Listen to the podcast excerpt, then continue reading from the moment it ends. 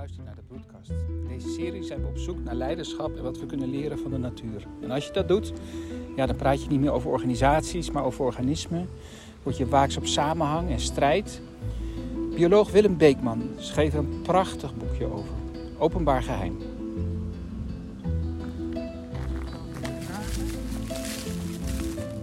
Even, zomaar even een padboemoefening hoor. Maar om even te voelen, hè? dit te voelen, wat je nu voelt. Ja. Dat even te voelen. Wat, wat, je, kan, je, kan je hier iets van voelen? De energie van deze boom. ja, ik voel mijn hand op de bast en ik stel me voor dat daar dat er energie naar boven gaat. Dat, maar of ik het voel.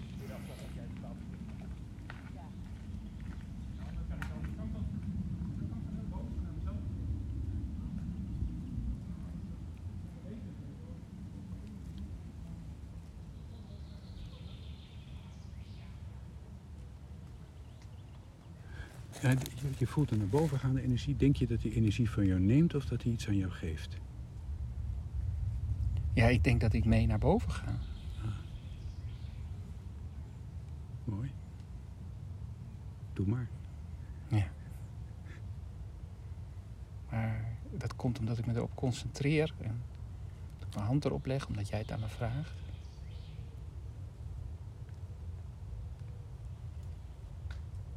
Ik weet nog niet wat ik bedenk en wat ik voel. Ja, maar. dat, dat, dat klopt helemaal. Dat klopt helemaal. Ja. Nee, dat komt ook omdat we, we springen pardoes in deze oefeningen. Snap je? Dat zou je ook eigenlijk beter moeten voorbereiden. En, en daar wat langzamer inwerken. En eh, eerst nog eens eventjes rustig een oefeningetje vooraf doen. En et cetera, et cetera. Zodat je wat opener wordt. En dat, dat voelen ook wat meer toe kan staan. Maar je kan het wel toestaan. Dat, dat vind ik wel wel merkbaar bij jou. Maar dan, dan kan je hier nog wel veel meer uithalen, zeg maar. En, Je, zou dan? eruit kunnen halen, dus die naar boven gaande energie mee, mee in de stroom. Eh, ik heb wel eens momenten gehad dat ik hier omviel. Zoveel energie is er in die boom. Dus dat je een beetje duizelig wordt haast van de energie. Ah. Over het algemeen kom ik hier altijd buitengewoon opgeladen weer vandaan.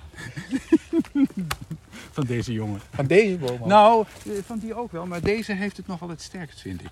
Ja, die heeft het nog wel het sterkst. En geef je mijn naam? Nou, het is, dit, dit zou ik, ja, weet je, je hebt bij bomen natuurlijk allerlei type groei. En dit is een soort van eikengroei. Ik noem het eikengroei, maar dan nog een beetje overdrevener. Want een eik is een grillige boom. eh, en deze is nog grilliger eigenlijk. is een hele goede manier. Dan zijn er bomen die, die een hele grillige, zoals deze en de eik, die een hele grillige energie hebben. Dus dat, dat, dat is als het ware de, ja, in, in die insights en zo is dat rood. Hè? Dus dat is de rode kant. Dit is een rode boom. Ehm, dus dat is, eh, ik val aan, volg mij en voorwaarts enzovoort. En heel veel ongelukken maken in het organiseren van dingen. En dan niet omkijken welke puinhoop je al achter hebt gelaten. Nou, dit is een puinzooi. Die, die Knamelijke Strijns maakt een puin van. Ze ruimen het een heel klein beetje op. Maar er liggen altijd heel veel takken onder, heel veel afval onder. En, en het is net alsof het oorlog is. Oh, nou laat je me echt anders kijken. Ja. ja. Dus dit is de rode kant van de, van de bomenwereld, voor mij altijd.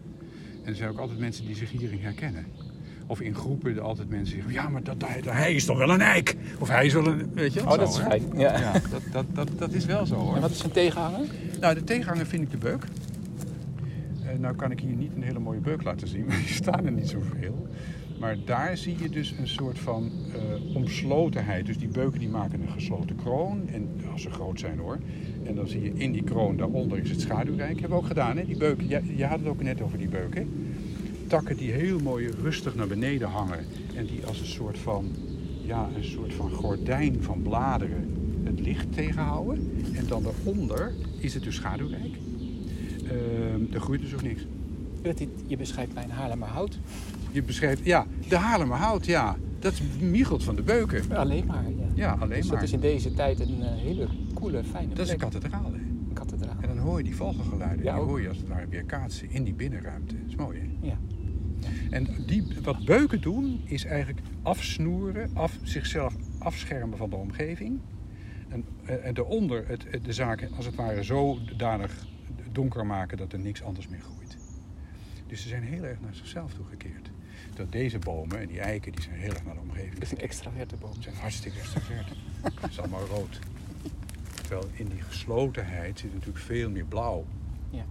Dus een beuk doet dit eigenlijk, nou even van- vanuit de boom gezien, omdat hij dit- met, met deze platen van, van bladeren enzovoort eh, zijn bast beschermt tegen het zonlicht. Dus daar, daar mag geen licht op komen, dan gaat hij eraan. Deze bomen, en ook eiken, die willen licht op hun bast, want daar leven ze van. Als ze dat niet kunnen krijgen, dan gaan ze eraan. Dus het is helemaal een tegenbeeld eigenlijk Ja. in groei.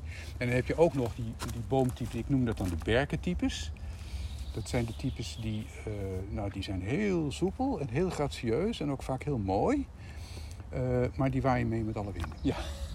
Dus die, eh, dan gaat het stormen en dan doe je zo. En dan even later dan ligt er wat iets, wat van die kleine haartjes liggen eronder, van die twijgjes en zo. En dan weer de volgende. en Zo. Sierlijkheid. Valt er een, een, een, een berk om, zie je in het bos ook vaak. Dan eh, zie je dus een stam liggen met zo'n mooie witte eh, bast. En dan ga je daarheen en dan druk je er zo even op, zo met je vinger of hoe dan ook, er doorheen. Met allemaal foos van binnen, weet je. Het is een schone schijn. Het is een buitenkant. Dus dat zijn ook mensen in een organisatie ook die heel erg voor de buitenkant gaan. Ja. En voor die schoonheid. Je ziet vast al iemand voor je. ja, ik heb vooral nu een mening over de, over de berg. Nee. Het is een hele mooie boom. Ja. En dan heb je natuurlijk ook nog, dat zie je een beetje bij de Douglas, maar de gewone sparren hebben dat sterker. Dus dat, dit sparrentype, dat zeg ik altijd maar zo, dat is heel stijf. En er komen dus van die hele regelmatige, hele flegmatieke takken af. En iedere tak is weer heel mooi verdeeld in zijtakjes. En daar zitten weer hele mooie naaldjes aan. Dus dat, dat kerstboomachtige opbouw. En dat zijn dus de mensen, dat zijn dus de flegmatici. De groenen die, die zorgen voor, uh, er moet boekhouding gepleegd worden. Ja, moet er ook zijn, toch? Moet ook zijn. Dus dat doen die bomen ook. Dat zullen wij regelen. Dus die hebben, oh, het heeft iets saais. maar het is wel heel belangrijk.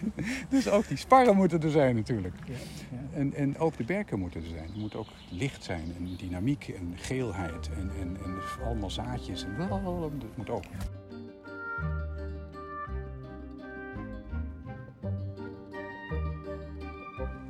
Wat- Waar zijn we? Waar we zijn, we zijn in de Kaapse bossen. Bij Doorn. En eh, dat, dat is heel grappig. Dat is, daar is een, eh, een chalet, Helenaheuvel. Waar je kan eh, eten en drinken. En dat was vroeger een landhuis hè, van een familie. En die, die, die vonden dat die hele omgeving, die dus bezit van hun was, een gigantische omgeving, dat het een beetje leek op de, ja, waar ze vandaan kwamen uit Zuid-Afrika, de Kaapse bossen. Ah, daarom heet het. Daarom heet het zo. Waarom is het nodig om mensen de natuur te laten beleven? Nou, ja, ehm, het, het, is een soort, het is een soort drang. Ik, ik, ik geloof dat ik een, een, een soort credo heb, al heel lang in mijn leven. Als ik dat zo vrij mag zijn, een credo, klinkt een beetje katholiek. Maar, ehm, en dat is, eh, ik, ik wil jubelend zingen over de schoonheid der schepping. Dat klinkt allemaal heel ba- eh, hoogdravend, maar dat is wel een soort gevoel wat ik heb. Dat wil ik zo graag. En ik wil het graag omdat het mijzelf zo ontzettend raakt. En ik die natuur zo buitengewoon vind en belangrijk. En, en ja, dat is het. Een soort he- heelheid. je moet het vieren. En vieren, eh, delen, ehm, absoluut. Het- het- Dat wil ik heel graag. Dus, dus ik, ik, ik wil dat graag doen. Dat, en ja, daar ben ik ook met die reden mee. eh, van ja, we, zijn wel deel van die natuur. Maar we zijn er ook behoorlijk van vervreemd geraakt. En ehm, eh, de weg terug, die kan. En dan laten we die maar eens doen. eh, door ons weer opnieuw te verbinden ermee. En niet alleen met, met het cuppie, maar ook met het hart. En ja, dat vind ik eigenlijk de opgave een beetje. Want in deze serie gesprekken die we nu voeren met mensen in de natuur, zoals nu met jou, vragen we ook steeds over eh, ja, wat, wat is er aan de hand met leiderschap in deze tijd. Dat is eigenlijk de aanleiding voor deze gesprekken. Dat we het idee hebben dat er is zoveel aan het veranderen. De urgentie is zo groot dat we met elkaar iets te doen hebben, met name rond het klimaat-issue. met de oude manier van leiderschap eh, redden we het niet, maar hoe dan? En dan eh, zoeken we naar, eh, met elkaar naar ideeën daarover. Oplossingen hebben we niet. Maar, Nee, nou ja, als die oplossingen er waren, dan was het al lang geweest. Hè. maar het, het grappige is dat we ook in organisaties heel gauw, gauw al praten over ecosystemen. We gebruiken al En natuurwoorden. Die, die begrippen komen al, hè? Ja, Ja, wat is daar Ja. nou aan de hand? Hoe zie jij Ja. dat? ja. Nou ja, kijk, een, een organisatie is natuurlijk, het heet ook niet voor niks organisatie. Het is een, afgeleid van een organisme. Dus het is een, iets samenhangends, hoort het te zijn. Waar, waar kop en voeten en eh, ho- aan staart aan zit, zeg maar. Dat zou je hopen. Dus het zou ook moeten voldoen aan wetten waar ook organismen aan voldoen. eh, groeiwetten, wetten van ontwikkeling. Maar ik denk ook wel, ehm, en, dat heb ik in openbaar geheim ook geprobeerd, ook wel de, de wetten van eh, persoonlijke ontwikkeling en persoonlijke groei. Die zouden er ook in moeten zitten. Dus ik, ik denk dat in een organisatie eh, mensen die erin werken dat ook volop moeten kunnen doen. Ehm, en die, aan die groeiwetten zeg maar eh, meedoen en we- meewerken en dat, dat delen. En, ehm, dus eh, daarom denk ik dat, dat zulke begrippen daar natuurlijk uit de natuur ontleend kunnen worden. Ja. En eh, er zijn ook lessen uit te leren uit de natuur. En er zijn natuurlijk lessen uit te leren, maar dat is natuurlijk wel een beetje zo lang als het breed is. Want je, kijk, ik hou enorm van de voorbeelden uit de natuur, of de metaforen uit de natuur, waar Ja, het gaat om samenwerking. Samenwerken. Ja. En, maar je kan natuurlijk net zo hard over de natuur praten als strijd. En, en, en dat is namelijk ook. En Darwin heeft die strijdkant behoorlijk goed eh, blootgelegd. Dat heeft hij heel goed beschreven en er ook mechanismen onder eh, beschreven. Eh, en in zijn tijd was dat logisch, dat kwam helemaal uit die klassenstrijd voort. Maar eh, langzamerhand is duidelijk dat er ook veel samenwerking is. Dus strijd en samenwerking zijn de twee hoofdprincipes uit de natuur. En ik denk wel gelijkwaardige hoofdprincipes. Ehm, en ik ben niet zo van de strijd, ik ben niet zo van het conflict, ik ben erg van de harmonie. Dus, dus eh, ik ben natuurlijk ook de bioloog die heel graag kijkt naar de samenhang en, eh, en de samenwerking.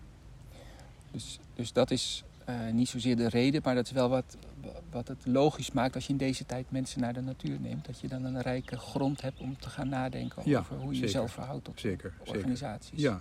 Kijk, en je kan natuurlijk zeggen, die voorbeelden die ik ook in mijn boek beschrijf. eh, je hebt eh, prachtige voorbeelden in de, in de bijen, hè, met die, bij die bijenstaat en mierenkolonies, termietenkolonies enzovoort. Hoe die georganiseerd zijn, dat is echt onwaarschijnlijk. Maar het is natuurlijk ook meedogenloos.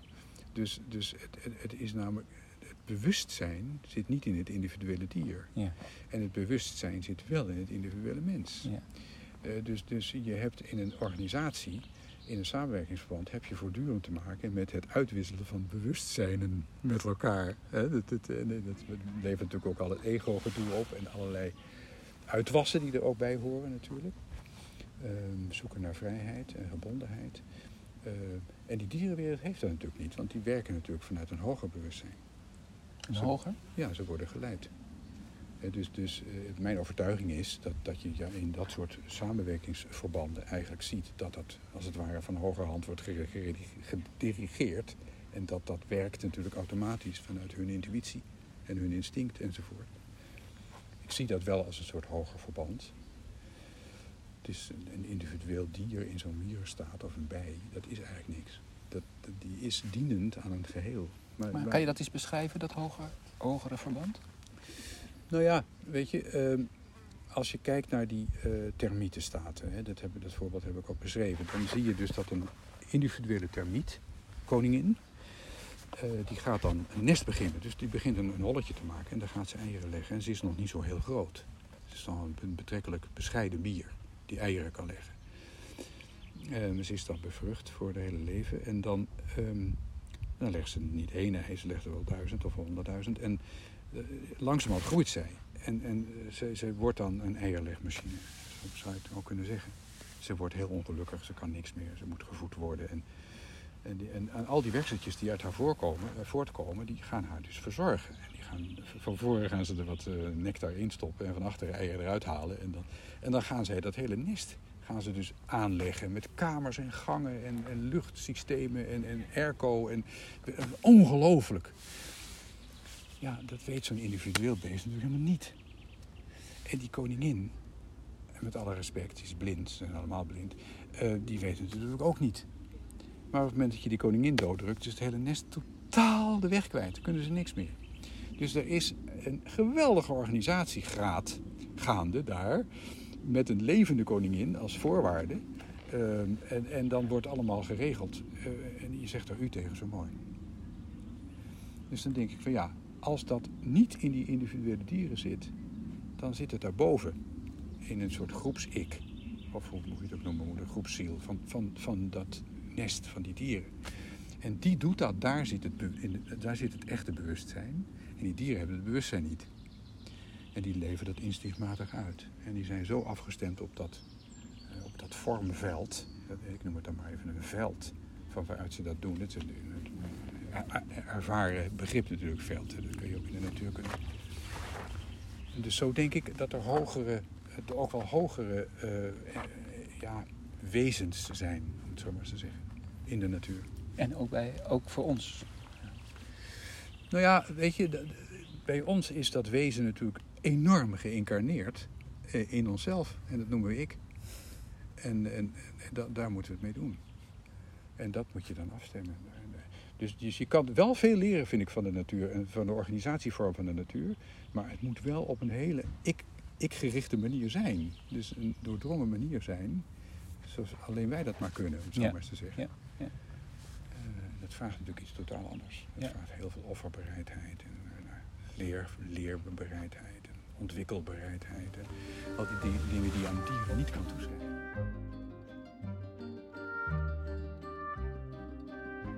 Ja, maar wat je net schetst over dat, eh, je kan naar de natuur kijken als een, eh, als een moorddadige organisatie, maar het is ook een, je kan ook kijken naar een wonderbaarlijk mechanisme van Ja. samenwerking. Ja, dat is ook zo. Wat ik zie om me heen is dat dat samenwerken steeds eh, belangrijker wordt voor eh, deze westerse wereld waar ik dan in Ja, leef. ja, om dat te kunnen, om Ja, je te zeker. kunnen verhouden tot steeds andere gedachten, andere organisaties, zeker. andere individuen. Dat zie jij ook. Ja, nou ja, weet je, het- ja, eh, ik, wat, wat, ik ben altijd een enorme fan geweest van het Rijnlandse model in organisatiebedrijven. Ehm, eh, namelijk ehm, eh, oog voor, voor de mens en oog voor de manier van samenwerken. Waarbij persoonlijke ontwikkeling ook een rol mag spelen. Vaak waren dat die oude Duitse familiebedrijven waar dat ontstaan is. Hè. Eh, en helaas hebben we natuurlijk het Anglo-Saxische model, wat natuurlijk zo hiërarchisch is, de pieten. En dat is een heel verticaal model. Ook in Duitsland. En nu ook in Duitsland, ik bedoel, dat is everywhere natuurlijk. Maar het gaat terug tot op de bonobo en die chimpansee, hè? Dat is natuurlijk interessant. Dus, en dat heb ik als zo'n wonder gevonden, hè? Dat is weer mijn biologenverhaal. Dus je hebt dat Congo, ooit, land, en daar zit die Congo-rivier ontstaan. Die is dus door, door dat land heen gesneden. Eh, dat is nog maar 2 miljoen jaar geleden gebeurd, hè? Dus heel recent is dat. En er was natuurlijk een hele chimpansee-achtige voorlopers van de chimpansee hoor. Maar een soort, ik zeg nou even, chimpansee-achtige aap was daar, leefde daar. En er werd, die kwam een rivier door, tjak! Hey, we hebben ineens een Noord- en een Zuidpopulatie. En die Noordpopulatie die ontwikkelt zich razendsnel en, tot de chimpansees. En de Zuidpopulatie tot de bonobo's. En die gaan diametraal de verschillende kanten uit. En de ene wordt een Angelsaks en de ander wordt een Rijnlander. het is niet te geloven, maar dat zit er gewoon in. En nou is dus, vind ik ook weer het verbijsterende. Ze doen dat onderzoek, hè, biologen, doen ze onderzoek naar ehm, het DNA van de chimp en het DNA van de bonobo. Nou blijkt dus dat dat DNA van ons en dat van hun, nou, 98% overeenkomt. Hè? Dus we verschillen, verschillen maar 2% van die beesten. Kun je van alles bij denken. Hè? Daar kun je van alles bij denken. Maar de ene groep, eh, de strijdgroep, die zegt, we lijken precies op de chimpansees. Dus het is helemaal niet gek wat we doen. Het orde moest zijn. Gewoon, top-down. En de andere, de andere zeggen, ja, we zijn precies als de bonobo's. dus we moeten een veel femininere organisatievorm hebben. En veel meer naar elkaar luisteren. En niet van hiërarchisch georganiseerd, maar oplossen conflicten. Oplossen met overleg en aaien en strelen. En zij doen nou heel veel seksueel. Maar goed, dat is dan een manier. Hele andere vorm. Het is maar hoe je het wil zien natuurlijk, waar je naar wil kijken. Ja. Dus allebei doen ze het voor. Ja. ja. En jij kijkt daar waardevrij naar. Nou ja, weet je, kan je dat? Waardevrij kijken. Ik zie, de, ik zie twee vormen. Ik zie twee modellen ontstaan. eh, die natuurlijk zeer verwant zijn aan, aan de mens, die dieren. Hè, is duidelijk. En in die twee varianten zie je natuurlijk de mens ook terug. En dan zie je ook eigenlijk neigingen in mensen terug. Ja.